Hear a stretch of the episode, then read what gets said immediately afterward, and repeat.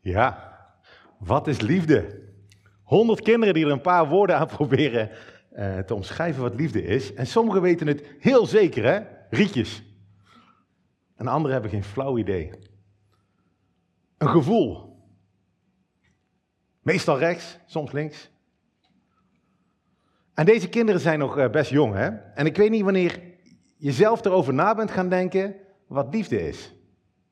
Misschien heb je er nog nooit over nagedacht. Kom je hier vanochtend, denk je, ja, heb ik er nog nooit over nagedacht. Ik was pas een jaar of twintig, denk ik, misschien zelfs iets ouder, dat ik na ging denken van wat is nu echt liefde? Ik wist wat verliefd zijn was, dat wist ik wel. Ik wist ook de pijn die je kon voelen als dat niet wederkerig was. Of nog erger, als hij in één keer niet meer verliefd op jou was. Ik zag mijn ouders, en mijn grootouders, die in mijn ogen niet heel erg verliefd oogden, waarvan ik wel wist en weet dat ze van elkaar houden. Maar wat is liefde? En het antwoord dat ik daarop vond, wil ik graag, graag met jullie delen in de eerste dienst van 2022. Want we gaan beginnen met een nieuwe serie. Liefde, licht, leven. Drie onderwerpen die alle drie iets zeggen over wie God is en hoe die door ons heen wil werken. We dachten dat het goed was om hier dit jaar mee te beginnen. Ook om over na te denken de komende maanden. Over wat voor kerken we willen zijn. En wat voor kerk we zijn op dit moment. Want deze drie onderwerpen, liefde, licht en leven, komen alle drie uit een, brief van een vriend van Jezus. En die vriend heet Johannes. En hij heeft een brief geschreven. En die brief heet 1 Johannes, want er zijn nog twee brieven. 2 Johannes, 3 Johannes. En die brief die ging rond naar verschillende kerken. En die werd daar voorgelezen. Paul die belde me gisteravond. Die zegt, uh, Maarten, uh, als het niet gaat lukken morgen, kan ik jouw preek lezen. Ik dacht, ja, je kan ook gewoon de brief 1 Johannes lezen. Zo werd die 2000 jaar geleden namelijk ook gewoon gelezen in de kerken. En dan, uh, dat scheelde me, had me heel veel tijd gescheeld deze week, als Paul dat gewoon had voorgelezen. Maar we gaan we niet doen. Het is, het is niet zo'n lange brief, je kan hem thuis lekker lezen. We gaan kleine stukjes pakken, we gaan inzoomen op de tekst. En vandaag dus gaan we nadenken over liefde. De tekst staat in het programmaboekje. Ik pak er maar vijf zinnen uit. In het programmaboekje staan er iets meer. Ik wil lezen vanaf, in hoofdstuk 4 ben ik, en dan vanaf vers 7. Daar staat, geliefde, laten we elkaar lief hebben, want de liefde is uit God. En ieder die lief heeft, is uit God geboren en kent God. Wie niet lief heeft, kent God niet, want God is liefde. Hierin is de liefde van God aan ons geopenbaard, dat God zijn enig geboren zoon in de wereld gezonden heeft, opdat wij zouden leven door hem. Hierin is de liefde niet dat wij God lief gehad hebben, maar dat hij ons heeft lief gehad en zijn zoon zond als verzoening voor onze zonden. Geliefde, als God ons zo lief had, moeten wij, ook wij, elkaar lief hebben. Vijf versen. En het is een heel bijzonder stukje in de Bijbel voor mij. Het is niet voor niks dat ik deze gekozen heb. Die eerste zin, laten we elkaar lief hebben, want de liefde is uit God, is onze trouwtekst. Alweer uh, meer dan twintig jaar geleden stond deze tekst op onze trouwkaart. En wilden we deze boodschap aan onze gasten meegeven, dat de liefde uit God komt. Ik had een fotootje opgeduikeld, ja. Ah, die tekst heb ik er gisteren bij gezet hoor, die stond niet op die foto. En je snapt wel, als je naar die tekst kijkt, van nou, dat is, dat is, dat is een mooie tekst. Die snap je wel op een huwelijk. Eh, die vijf zinnen van het, heb je, heb je geteld hoe vaak het woord liefde daarin voorkomt? Of geliefde? Of dertien keer in vijf zinnen. Vaker dan het woord God in die tekst. Dertien keer. En dat is mooi op een huwelijk, hè? Maar het is ook een heel lastig stukje tekst. Want laten we elkaar lief hebben is gaaf op een, op een bruiloft. Of als je helemaal hoog tot de boter verliefd bent op elkaar. Maar de realiteit waarin we wonen is echt iets anders. Liefhebben en liefde is niet gemakkelijk. Mensen gaan uit elkaar als nooit tevoren. Zelfs getrouwde mensen maken er een potje van. Kijk maar afgelopen week. He, dezelfde tekst. Laten we elkaar lief hebben. Want de liefde is uit God. Allemaal getrouwde mannen. Die mensen worden ook liefdeloos afgemaakt. Open je Twitter-feed maar. Kijk maar eens naar tv. Marco Borsato, zijn, zijn, zijn wassen beeld werd hoep uit Madame Tussauds gehaald van de week. omgesmolten. Terwijl Madame Tussauds niet eens open is. Dus ik denk, ja, waarom de haast? En dan komt Johannes hier met een tekst, 2000 jaar oud. En die zegt, laten we elkaar lief hebben. Yeah, right. Is dat niet veel te moeilijk vandaag de dag? En dan de volgende zin. Wie, nou dat is een dubbele zin. Wie niet lief heeft, kent God niet. Of andersom, wie lief heeft, is uit God geboren en kent God. Ik ken genoeg mensen die lief hebben, maar die God helemaal niet kennen. Er zijn toch genoeg mensen die God niet in God geloven en toch enorm lief hebben. Misschien wel meer dan ik. Dat weet ik wel zeker trouwens. Hoe zit dat dan? Waarom zit die liefde hier? Waarom wordt die zo gekoppeld aan het kennen van God? Zo zelfs, zo sterk dat de tekst zelfs zegt: zonder liefde ken je God niet. Maar ook voor de mensen die God wel kennen. Hier staat dat God liefde is. We hadden afgelopen zondag hadden we een hele leuke discussie bij de Alfa hierover. Waarom laat God er ons dan zo'n zooitje van maken? Als God liefde is. Als hij ons echt liefde, als hij ons echt lief heeft. En God is liefde. Dan kan hij ons toch een hoop ellende besparen. Dan maakt hij ons niet een beetje liefdevoller. Dan hebben we geen documentaire van Boos meer. Want dan zijn we allemaal gewoon liefdevoller. Dat we vanzelf overstromen van liefde voor de mensen om ons heen. Dan maakt het meteen makkelijk om een ander lief te hebben, want die overstroomt ook voor liefde voor mij. Bovendien, dan was de kruis toch helemaal niet nodig. Hier staat dat God ons zo lief gehad heeft dat hij zijn zoon gestuurd heeft als verzoening voor onze zonden. waarom heeft God geen wereld gemaakt waar er geen zonden zijn? Jezus sterft aan een kruis omdat jij en ik niet liefdevol zijn. Maar dat had God toch kunnen voorkomen? Eigenlijk is dit gewoon een hele rare tekst. Hij klinkt leuk, maar hij roept allerlei vragen op. En dat is goed. Want we zijn bij elkaar niet om ja en amen tegen elkaar te zeggen en straks wel lekker een broodje te eten vanmiddag, maar om te worstelen met dit soort teksten. Ik wil persoonlijk maken. Dus niet alleen de moeilijke vragen, maar ook een spiegel. En mijn eerste vraag aan jou vanochtend is: ken jij, ken jij de liefde van God, waar deze tekst over spreekt? Weet je met je verstand, want ik denk dat daar begint, dat liefde uit God komt en dat God jou lief heeft.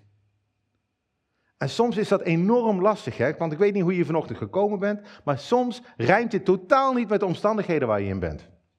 Denk je, waarom overkomt mij dit? Als God mij toch lief zou hebben, dan zou het leven toch niet zo moeilijk zijn? Als God mij lief heeft, dan zou hij dit toch niet hebben laten gebeuren?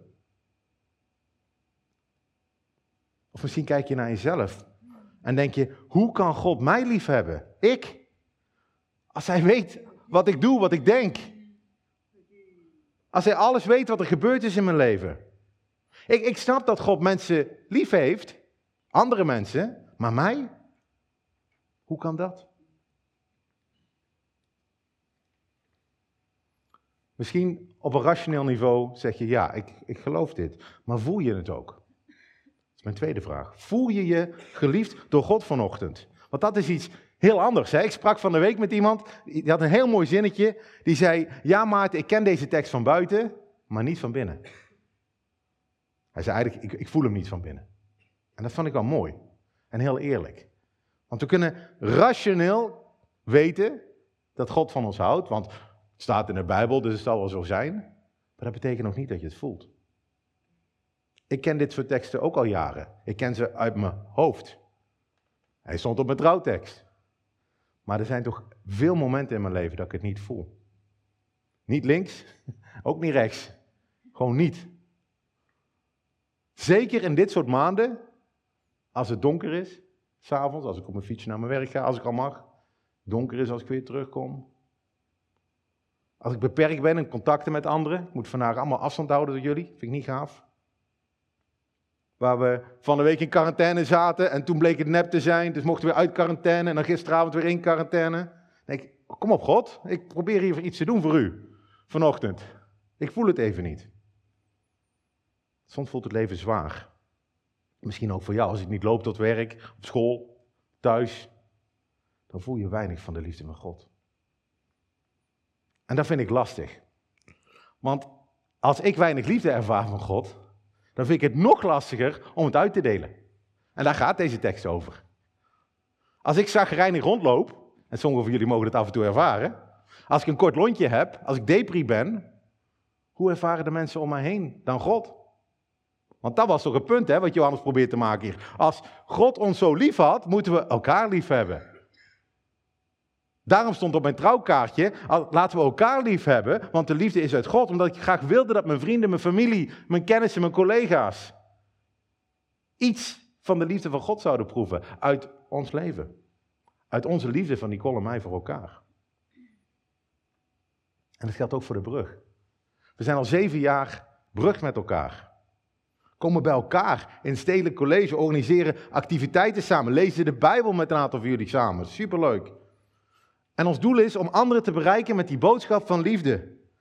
Omdat we die God die wij kennen gunnen. En iedereen hier in Eindhoven. Weet je wat Jezus zegt over zijn volgelingen? Heel confronterende tekst. Heeft Johannes ook opgeschreven. Dit zegt Jezus. Hierdoor zullen alle inzien dat u mijn discipelen bent. Als u diensten hebt op zondag. Nee, dat zegt hij niet. Hierdoor zullen alle inzien dat u mijn discipelen bent. Als u goed voor uzelf zorgt. Zegt hij ook niet. Hierdoor zullen alle inzien dat u mijn discipelen bent. Als u iedere dag bidt en uw Bijbel leest.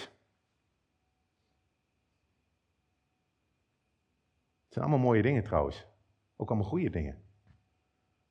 Maar Johannes zegt, hierdoor zullen alle inzien dat u mijn discipelen bent, zegt Jezus, als u liefde onder elkaar hebt. Hoe zit dat met ons? Hoe zit dat met onze liefde voor elkaar? Als we samen zo'n mooie tekst lezen en ja knikken en zeggen ja en amen, God is liefde. Als we naar streven om die liefde van God te ervaren in ons eigen leven, stromen wij dan over van die liefde voor de ander? Hebben we elkaar echt lief? En als we dat graag zouden willen, wat is hier dan voor nodig? En wat mag het je kosten? Wat heb jij nodig vandaag om Gods liefde te ervaren in je leven? Zodat je overstroomt van die liefde. En wat mag het jou kosten om iemand anders lief te hebben? Liefhebben zoals God ons lief heeft.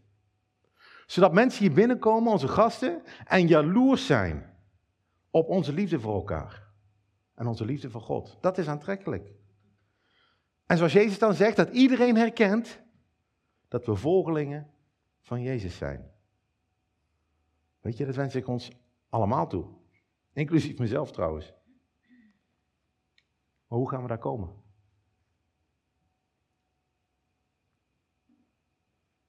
Maar ik denk dat het begint bij God. En het beeld dat wij van God hebben. God is liefde, staat er in deze tekst. En wij als christenen geloven dat God niet, ja, God is één, maar dat God ook drie is. Vader, Zoon, Heilige Geest. Dat is uniek. Uniek in het christendom. Maar dat is ook een unieke eigenschap van liefde. Je kan niet in je eentje lief hebben. God is liefde en dat is een voorwaarde. God is liefde omdat de Vader de Zoon lief heeft, de Zoon de Geest lief heeft, de Geest de Vader. En nou, alle zesde combinaties. God is liefde. God had al vanuit eeuwigheid perfecte liefde in zich. En die liefde in God overstroomde zoveel dat ze dachten, laten wij mensen maken. Om onze liefde te delen. Want door liefde te delen neemt liefde toe. Iedere ouder weet dat. Als je verliefd was en je had veel liefde voor elkaar en er komt zo'n klein babytje, dan neemt de liefde niet af voor elkaar, dan neemt de liefde toe.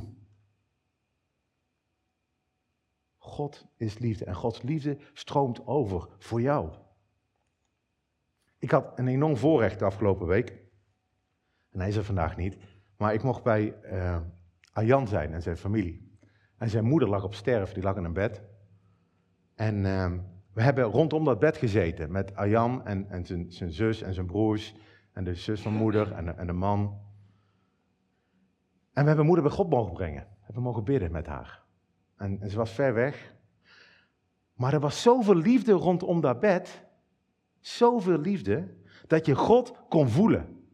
Gewoon, je kon hem gewoon voelen. En daardoor was er enorm veel ruimte om op dat moment over God te praten. Met mensen die niet altijd naar de kerk gaan. Iedereen in die ruimte ervoer God. Dat was heel bijzonder. En na het gebed deed die moeder van Jan de ogen open en kuste iedereen. Ja, mij niet, maar de kinderen en... En ze was even helder. Ze had een helder moment. En daarna hebben we afscheid kunnen nemen. Super bijzonder.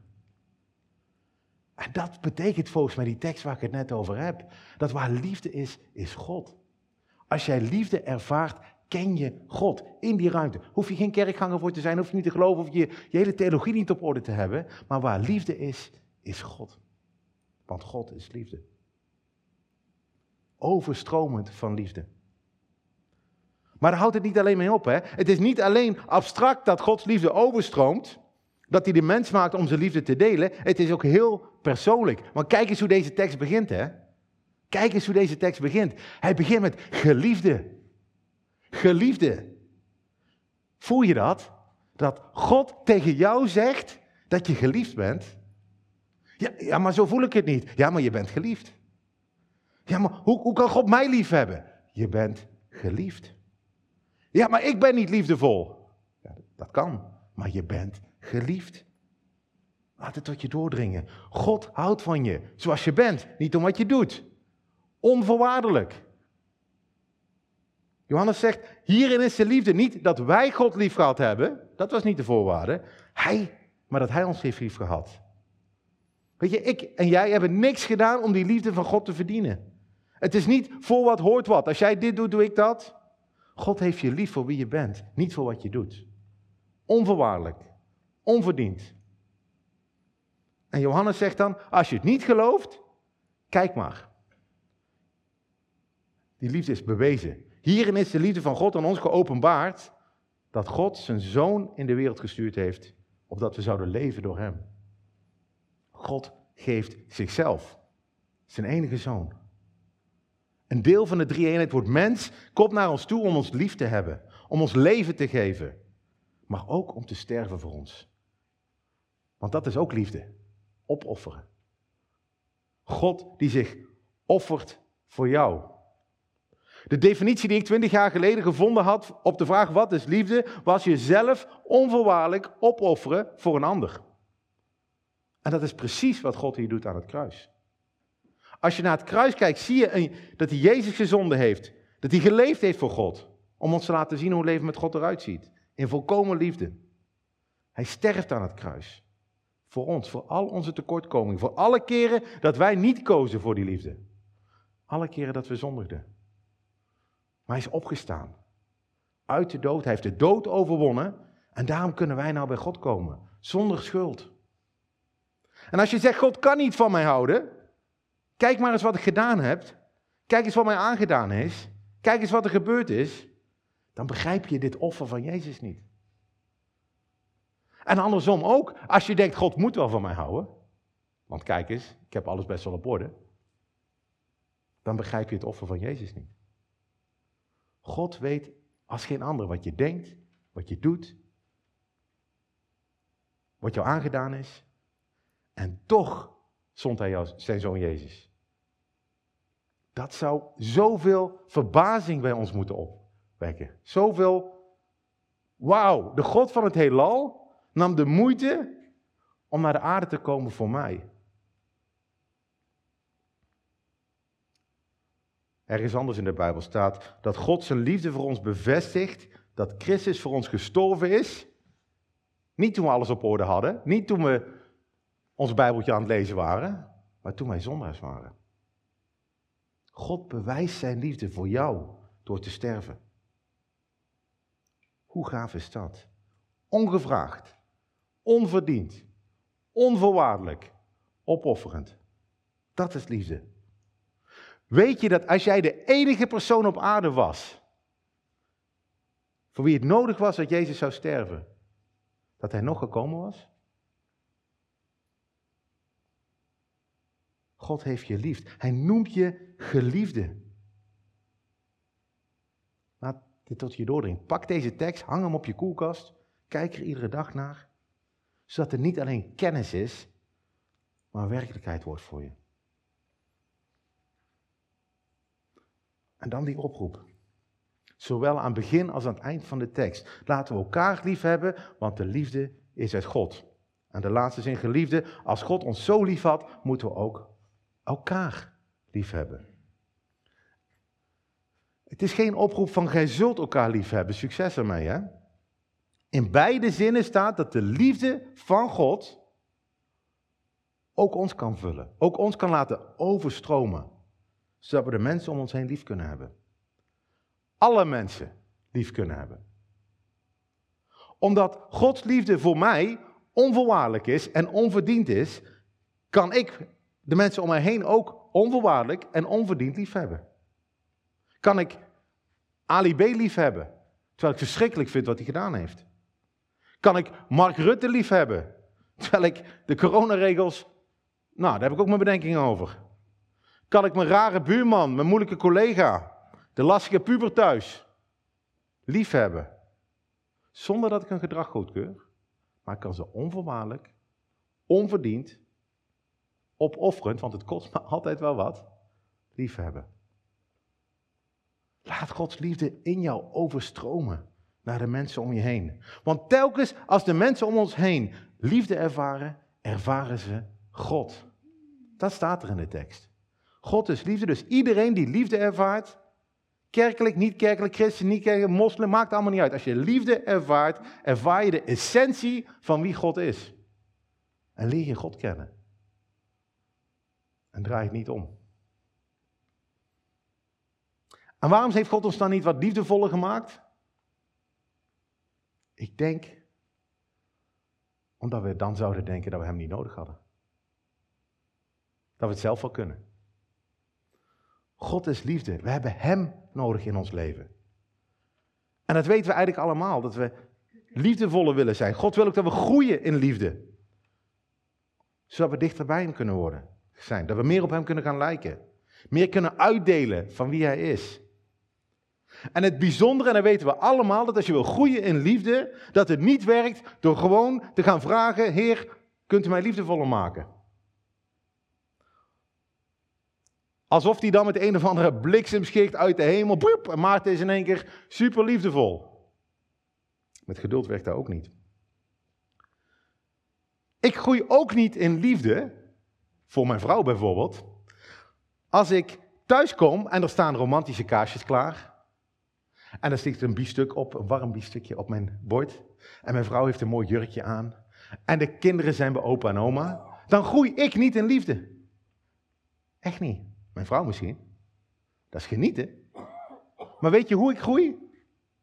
Als ik back af thuis kom van mijn werk. Kapot ben. En het is een puinhoop thuis. En de kinderen rennen rond. En de hond moet uitgelaten worden. En de pizza ligt in de oven te verbranden. En mijn vrouw ligt op de bank te slapen. Dan zegt God, hé hey Maarten, wilde jij groeien in liefde? Nu is je kans. Nu kan je onvoorwaardelijk, opofferend, onverdiend misschien zelfs, liefde tonen aan je vrouw, aan je kids, zelfs aan je hond. Zo werkt het. Dus durven we die vraag te stellen aan God vanochtend? Durven we aan God te vragen of Hij ons zijn onmetelijke, overweldigende, overstroomde liefde wil uitstorten in ons hart, zodat wij mogen groeien in liefde voor Hem, maar ook voor de mensen om ons heen. Want pas op hè, als we dit doen, weet ik zeker dat God aan je gaat vragen, wat mag het je kosten? Wat mag het je kosten om andere lief te hebben? Goddelijke liefde is opofferend. Jezelf geven. Het gaat je kosten. Het gaat je tijd kosten. Het gaat je energie kosten. Het gaat je je humeur kosten op momenten dat het moeilijk is. Maar God vraagt het ons wel. Tijd besteden met elkaar, omzien naar elkaar, elkaar helpen, op bezoek gaan. Er zijn voor elkaar. Niet alleen op zondag hier bij het stedelijk. Niet omdat, zodat God meer van ons gaat houden of, zo. Niet omdat we ons schuldig voelen ten opzichte van God en dat we niet zo liefdevol zijn. Maar omdat we zijn onvoorwaardelijke, onverdiende liefde in ons eigen leven ervaren. En de mensen om ons heen dat gunnen om dat ook zo te beleven. Ik wil eindigen met de twee zinnen uit de tekst. Hierdoor zullen alle inzien dat u mijn discipelen bent, als u liefde onder elkaar hebt. Dus, zegt Johannes, laten we elkaar lief hebben. Want de liefde is uit God. Laten we bidden. Vader, wat een lastige tekst. U bent liefde. U wil die liefde met ons delen. U wil dat onze liefde overstroomt voor de mensen om ons heen. En dat vinden we lastig, Heer. Heer, ik bid voor ons allemaal vandaag, dat we mogen weten dat de liefde die u ons geeft, dat die niet verdiend is, maar dat u die wel is, dat we geliefd zijn. Heer, dat we mogen ervaren, links en rechts, dat u liefde voor ons heeft. En als derde, Heer, dat het mag overstromen, Heer. Dat we met uw ogen naar de mensen om ons heen mogen kijken. Wilt u ons moed geven? Wilt u ons kracht geven? Om ook die stap te zetten. Om de mensen om ons heen lief te hebben, koste wat het kost. Dank u, Vader, dat we dit niet alleen hoeven te doen. Dank u dat u ons al lief had voordat wij liefdevol konden zijn. Dank u dat u bij ons bent, ook vanochtend.